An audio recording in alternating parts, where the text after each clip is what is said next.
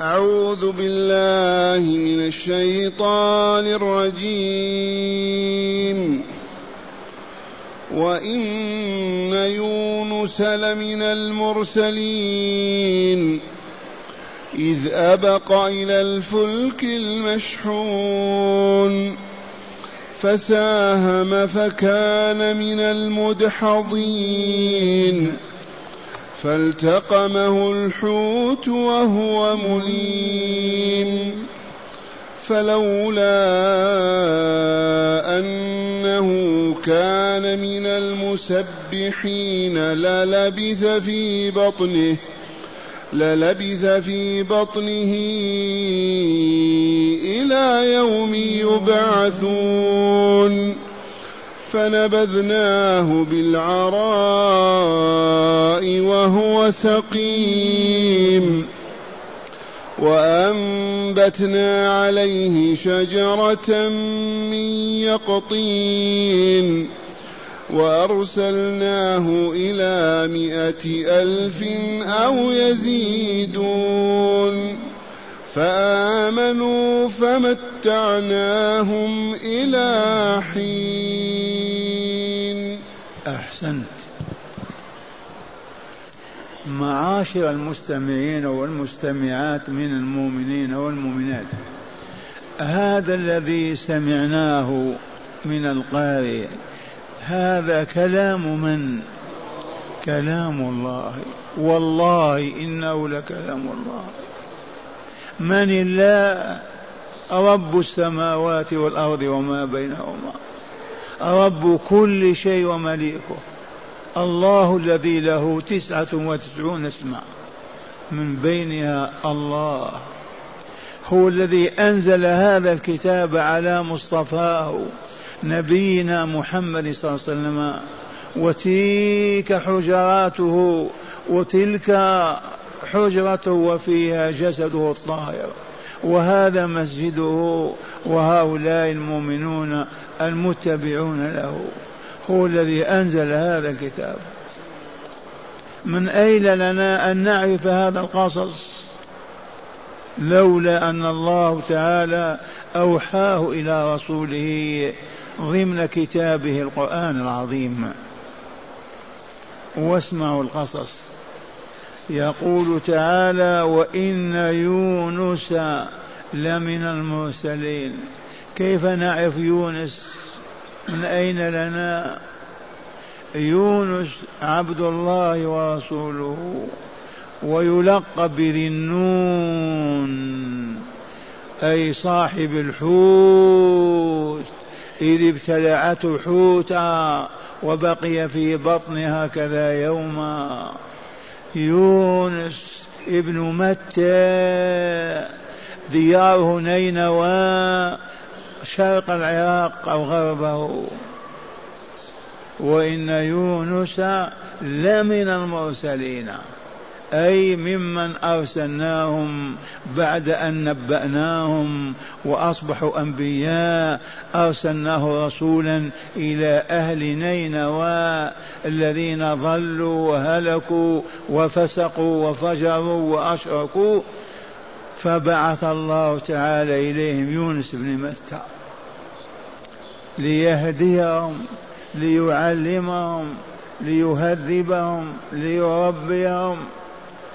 ومع الأسف ومع الأسف أعرضوا عنه كرهوا ردوا كلامه ما استجابوا له طالت المدة فماذا يفعل عليه السلام؟ هرب منه. أبق شرد. آيس منهم؟ وما من حقه أن ييأس.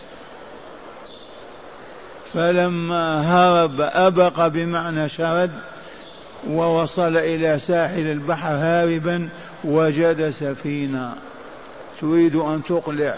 فركب راكب السفينة ليذهب من تلك الديار بالمرة. فلما توسطت السفينة عرض البحر ورأى ربانه أن الركاب كثير كثيرون والسفينة إذا لم يخفف من شحنها سوف تغرق. فنادى في الراكبين إن السفينة لا تستطيع أن تتحمل هذه الشحنة الكبيرة. لا بد وأن يسقط منها رجل. والسفينة ليست كسفن اليوم ولا ربع أو عشر. إذا فما أبى واحد أن يتفضل ويضحي بنفسه لينقذ غيره. واختلفوا فما كان منهم إلا أن لجأوا إلى القرعة إلى الاقتراع. من خرجت قرعته يلقى في البحر. والله واقترعوا. وجاءت القرعة ووقعت على يونس الهارب الآبق. إذا وصدر أمر الله عز وجل من علياء السماء من فوق العرش إلى سمكة عجيبة أن تبتلعه. ما إن ألقوه هكذا حتى فتحت فاها ودخل ولا عجب. صح عندنا أن سمكة اعترضها أصحاب رسول ساحل البحر الأبي الأحمر. العنبر تسمى العنبر. هذه السمكة عظامها سقف كالسقف. فلا عجب فابتلعته. وأخذ يسبح ربه سبحان ربي العظيم. لا إله إلا أنت سبحانك. إني كنت من الظالمين. لا إله إلا أنت سبحانك. إني كنت من الظالمين. اعترف بظلمه والا لا لأنه هرب من الدعوة. ما صبر. لا إله إلا أنت سبحانك. إني كنت من الظالمين. فسمعت الملائكة صوته. تحت العرش فسألوا ربهم لم ما هذا؟ فحدثهم بالقصة كما هي. اذا وكان من المصلين الذاكرين الداعين. بهذا أخبر رسول رب العالمين. يونس عليه السلام كان من مكثر الصلاة مكثر الدعاء مكثر الذكر. فلهذا لا, لا, لا جاء إلى ذكر الله. لا إله إلا أنت سبحانك إني كنت من الظالمين. وما من مؤمن يكثر من الصلاة ويعثر فقد عثر إلا وينقذه الله كما أنقذ يونس بن متى. فأكثروا من ذكر الله أكثروا من دعاء الله أكثروا من صلاة النوافل. لولا هذا ما نجاه الله. لا إله إلا أنت سبحانك إني كنت من الظالمين. فاستجبنا له ونجيناه من الغم وكذلك ننجي المؤمنين. وفي آية سورة الأنبياء وذو النون إذ ذهب مغاضبا فظن أن لن يقدر عليه أحدا ف... أن لن نقدر عليه. فنادى في الظلمات أن لا إله إلا أنت سبحانك إني كنت من الظالمين. فاستجبنا له ونجيناه من الغم وكذلك ننجي المؤمنين. وإذا بالحوت العنبرية السمكة تتقيأ على ساحل البحر. لا شجر ولا نخل ولا جدار ولا وكيف هو كالفرخ إذا أخذت ريشه وبقي لحمه. ناضج في ثلاث ظلمات ظلمة البحر وظلمة الحوت وظلمة الليل. نضج لحمه. فماذا يفعل الله بوليه؟ أولا نبتت الدباء عليه وتسمى بالقرع. الدباء معروفة المدنية بصورة خاصة. ورقها ناعم كالحرير ولطيفة أخرى لا يقع الذباب عليها أبدا. وإن شككت أخرج الفلاحين واسألهم. الذباب ما يقع على واقي الدبة. الذباب ما يقع على واقي الدبة. لأن الذباب لو كان يقع يأكل لحمه ناضج ما يستطيع أن يدفع الذباب ولا البعوض ولا الناموس.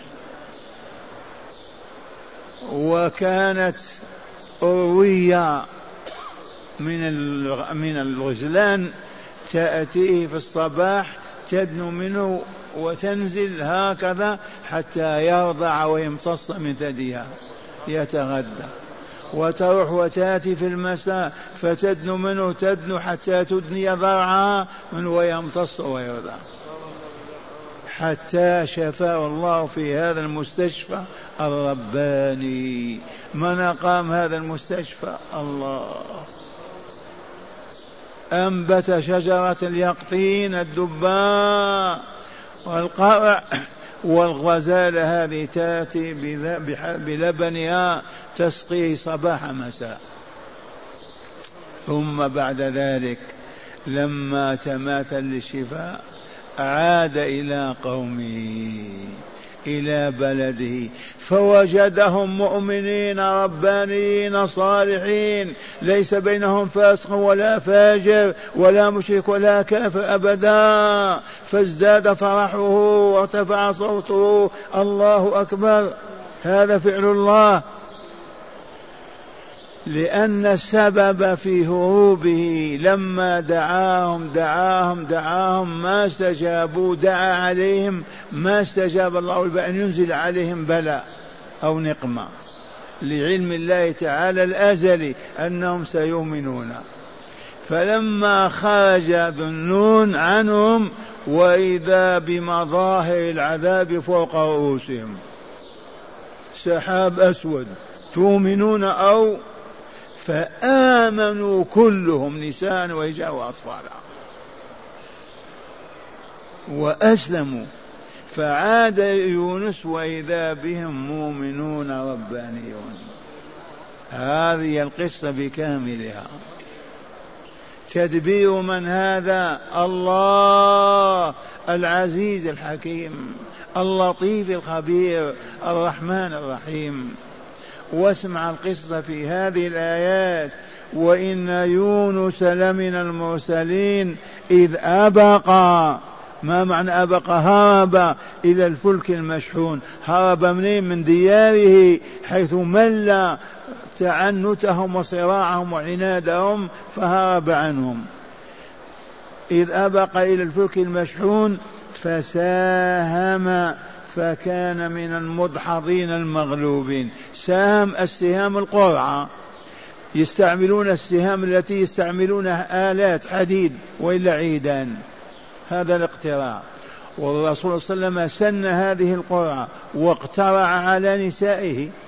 إذا أراد أن يخرج إلى الجهاد يقترع بين نسائه التي تخرج قرعتها تخرج معه. كما خرجت عائشة الصديقة.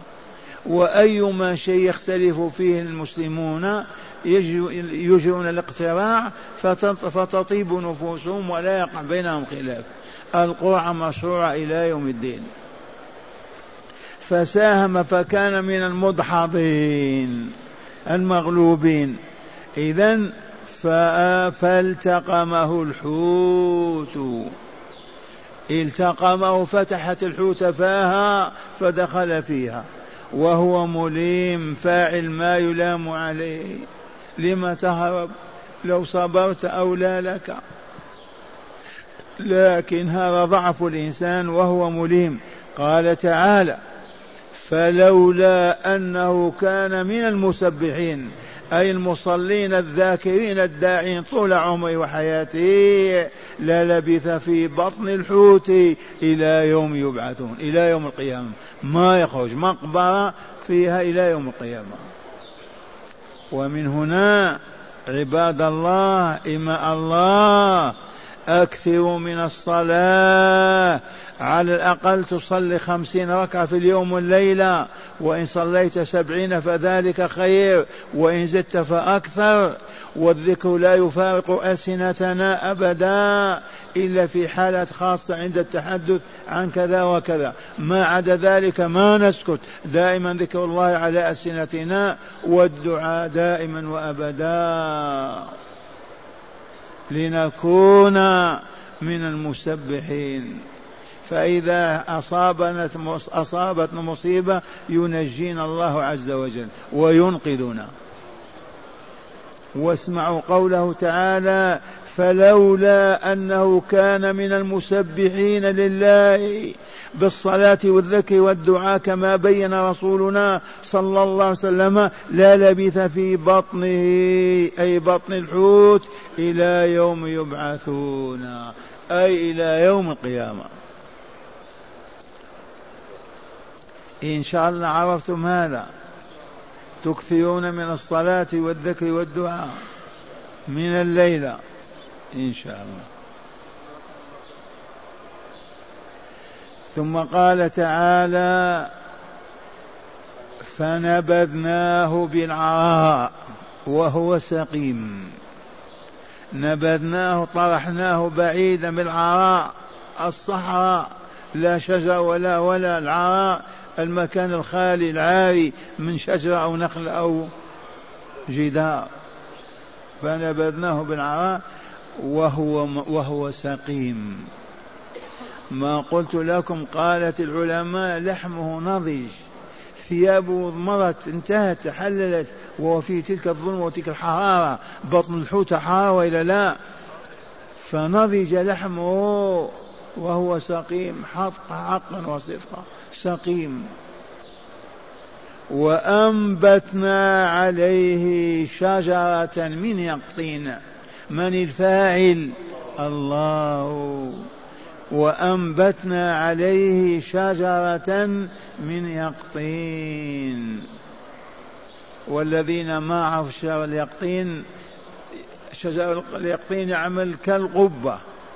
عندما تكون له شجرة يغطيها كاملا. إي نعم. شجرة من يقطين وأرسلناه إلى مئة ألف بل يزيدون. أهل نينوى كانوا مئة وخمسة آلاف أو مئة وعشرة آلاف. أهل نينوى وأرسلناه إلى مئة ألف إنسان أو يزيدون أو بمعنى بل بل يزيدون. فآمنوا كلهم فمتعناهم بالحياة والسعادة إلى حين آجالهم. ما حصل هذا في أمة في العالم. نجت كلها. نقرأ عليكم الآيات من الكتاب لتزدادوا بصيرة. ما زال السياق في ذكر من أنعم الله تعالى عليهم بما شاء من وجوه الإنعام. فقال عز وجل عطفا عما سبق وإن إلياس وإن يونس لمن المرسلين. أي وإن عبدنا يونس ابن متى ذنون من جملة من مننا من مننا عليهم بالنبوة والرسالة. أي أعطيناهم النبوة والرسالة من فضلنا وإحساننا. إذ أبق أي في الوقت الذي هرب من قومه لما لم يؤمنوا به وواعدهم العذاب وتأخر عنهم العذاب فاستعجل فهرب من المدينة وهي نينوى من أرض الموصل بالعراق فوصل الميناء فوجد سفينة مبحرة فركب وكانت حمولتها أكبر من طاقتها فوقفت في عرض البحر عرض البحر لا تتقدم ولا تتأخر. فكان يونس فكان يونس من المدحضين أي المغلوبين في القرعة. فرموه في البحر فالتقمه حوته حوت البحر وهو وهو مليم أي فاعل ما يلام عليه من فراره من دعوة قومه إلى الله لما ضاق صدره ولم يطق البقاء معهم. وهذا معنى قوله تعالى إذ أبق إلى الفلك المشحون فساهم فكان من المدحضين فالتقمه الحوت وهو مليم. وقوله تعالى فلولا أنه كان من المسبحين للبث في بطنه أي بطن الحوت إلى يوم يبعثون أي إلى يوم القيامة. بأن يصير بطن الحوت قبرا له أي فلولا أن يونس كان من المسبحين أي المكثرين من الصلاة والذكر والدعاء والتسبيح قبل البلاء لما كان يلهم قوله لا إله إلا أنت سبحانك إني كنت من الظالمين. هذه ألهمه الله إياه لينجيه. ولما كان و ولما كان يستجاب له ولذا قال رسول الله صلى الله عليه وسلم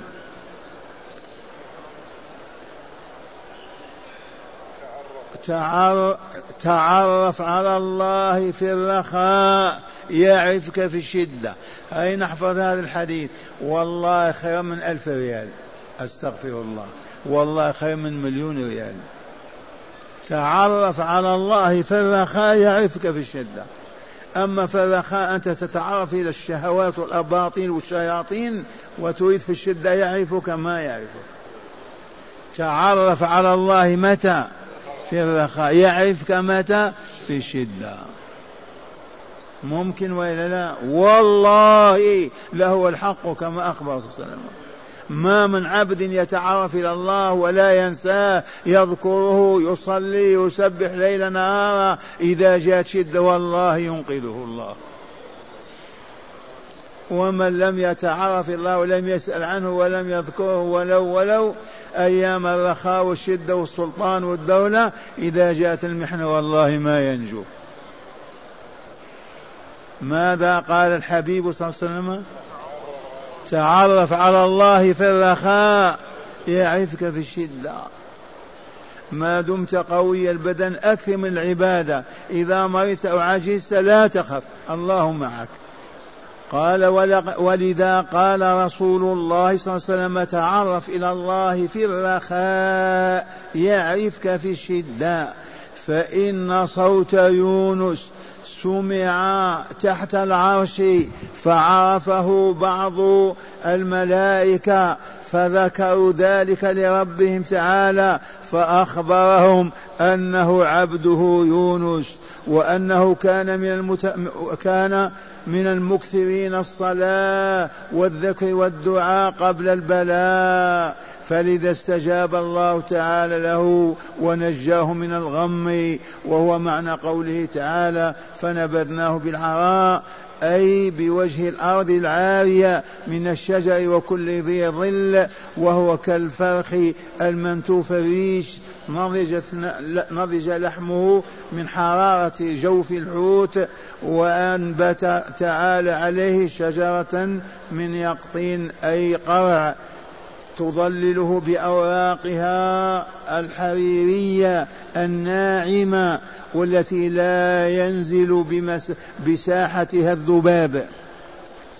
وسخر له أروية وهي غزالة فكانت تأتيه صباح مساء فتفت فتفحش فتفشح عليه أي تفتح رجليها وتدني ضرعها منه فيرضع حتى يشبع إلى أن تماثل للشفاء وعاد إلى قومه.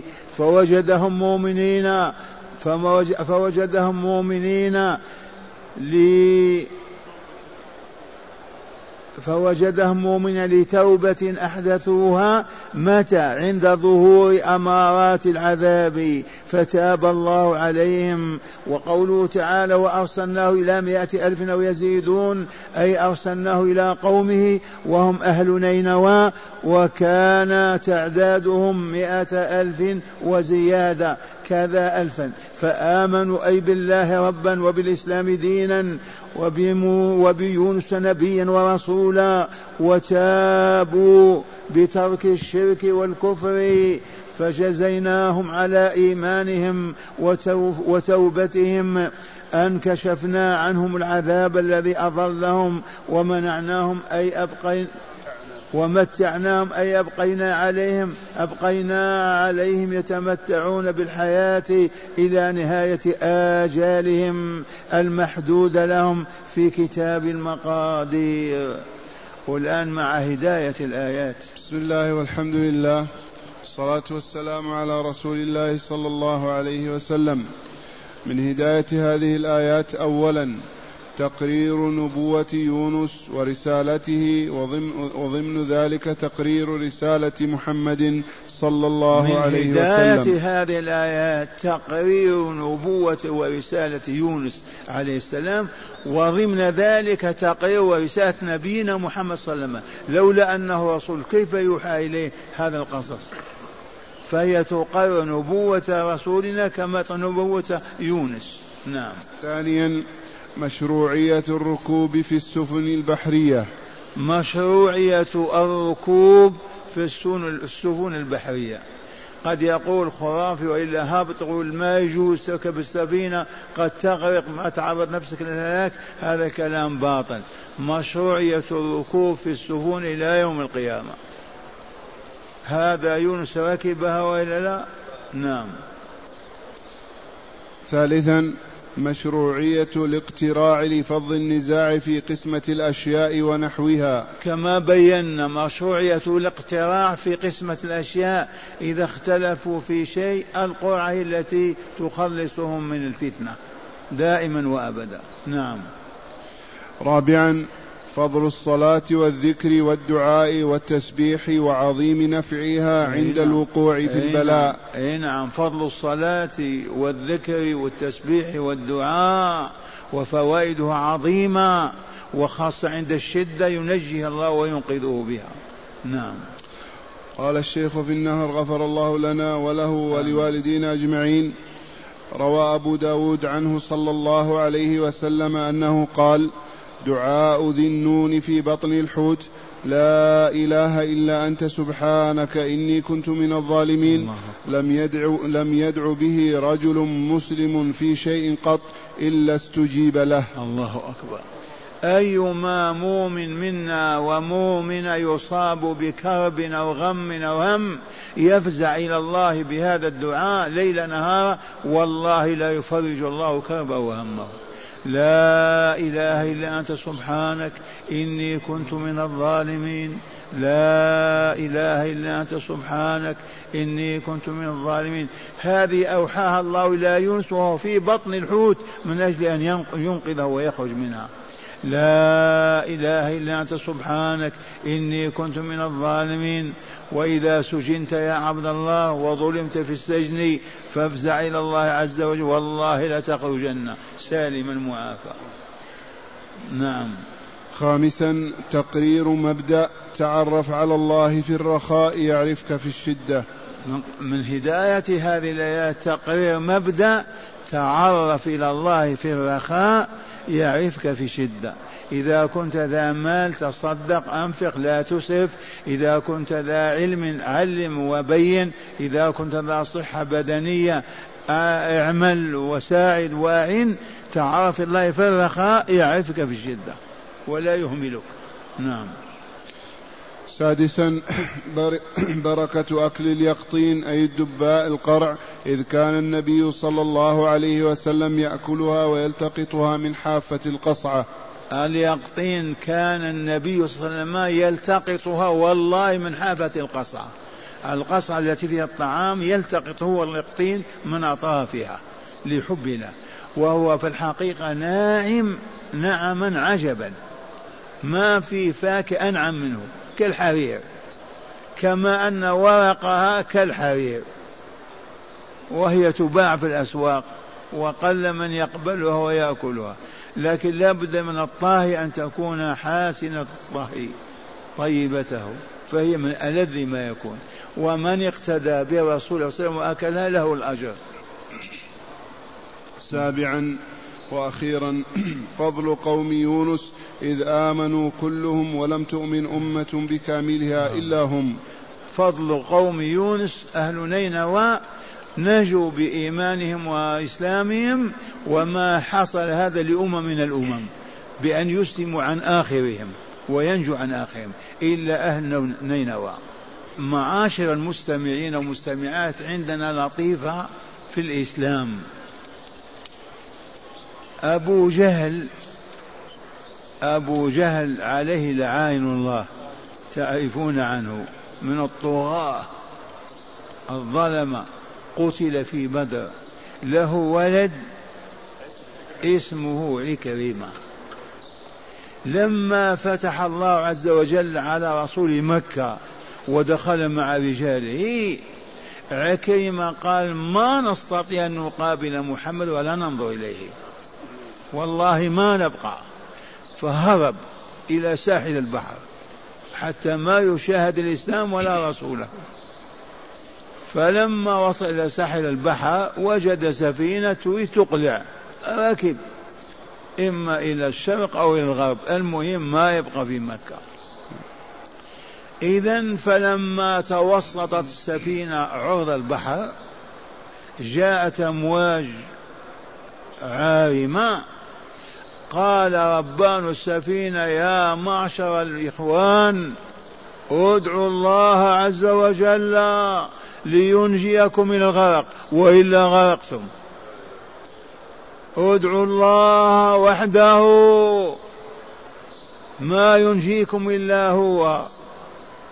فقال عكرمة سبحان الله. كفار مشركون يقول لهم قائدهم ادعوا الله لينجيكم. إذا والله لنعود إلى رسول الله ونسلم. فقال للربان والله أو بالله لا تعدني تردني للساحل.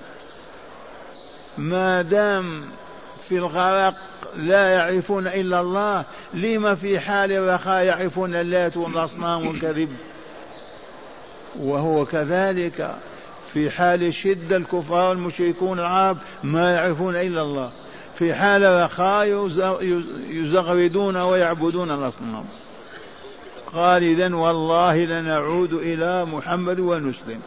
وجاء بالفعل وهو يبكي وأسلم بين يدي رسول الله صلى الله عليه وسلم.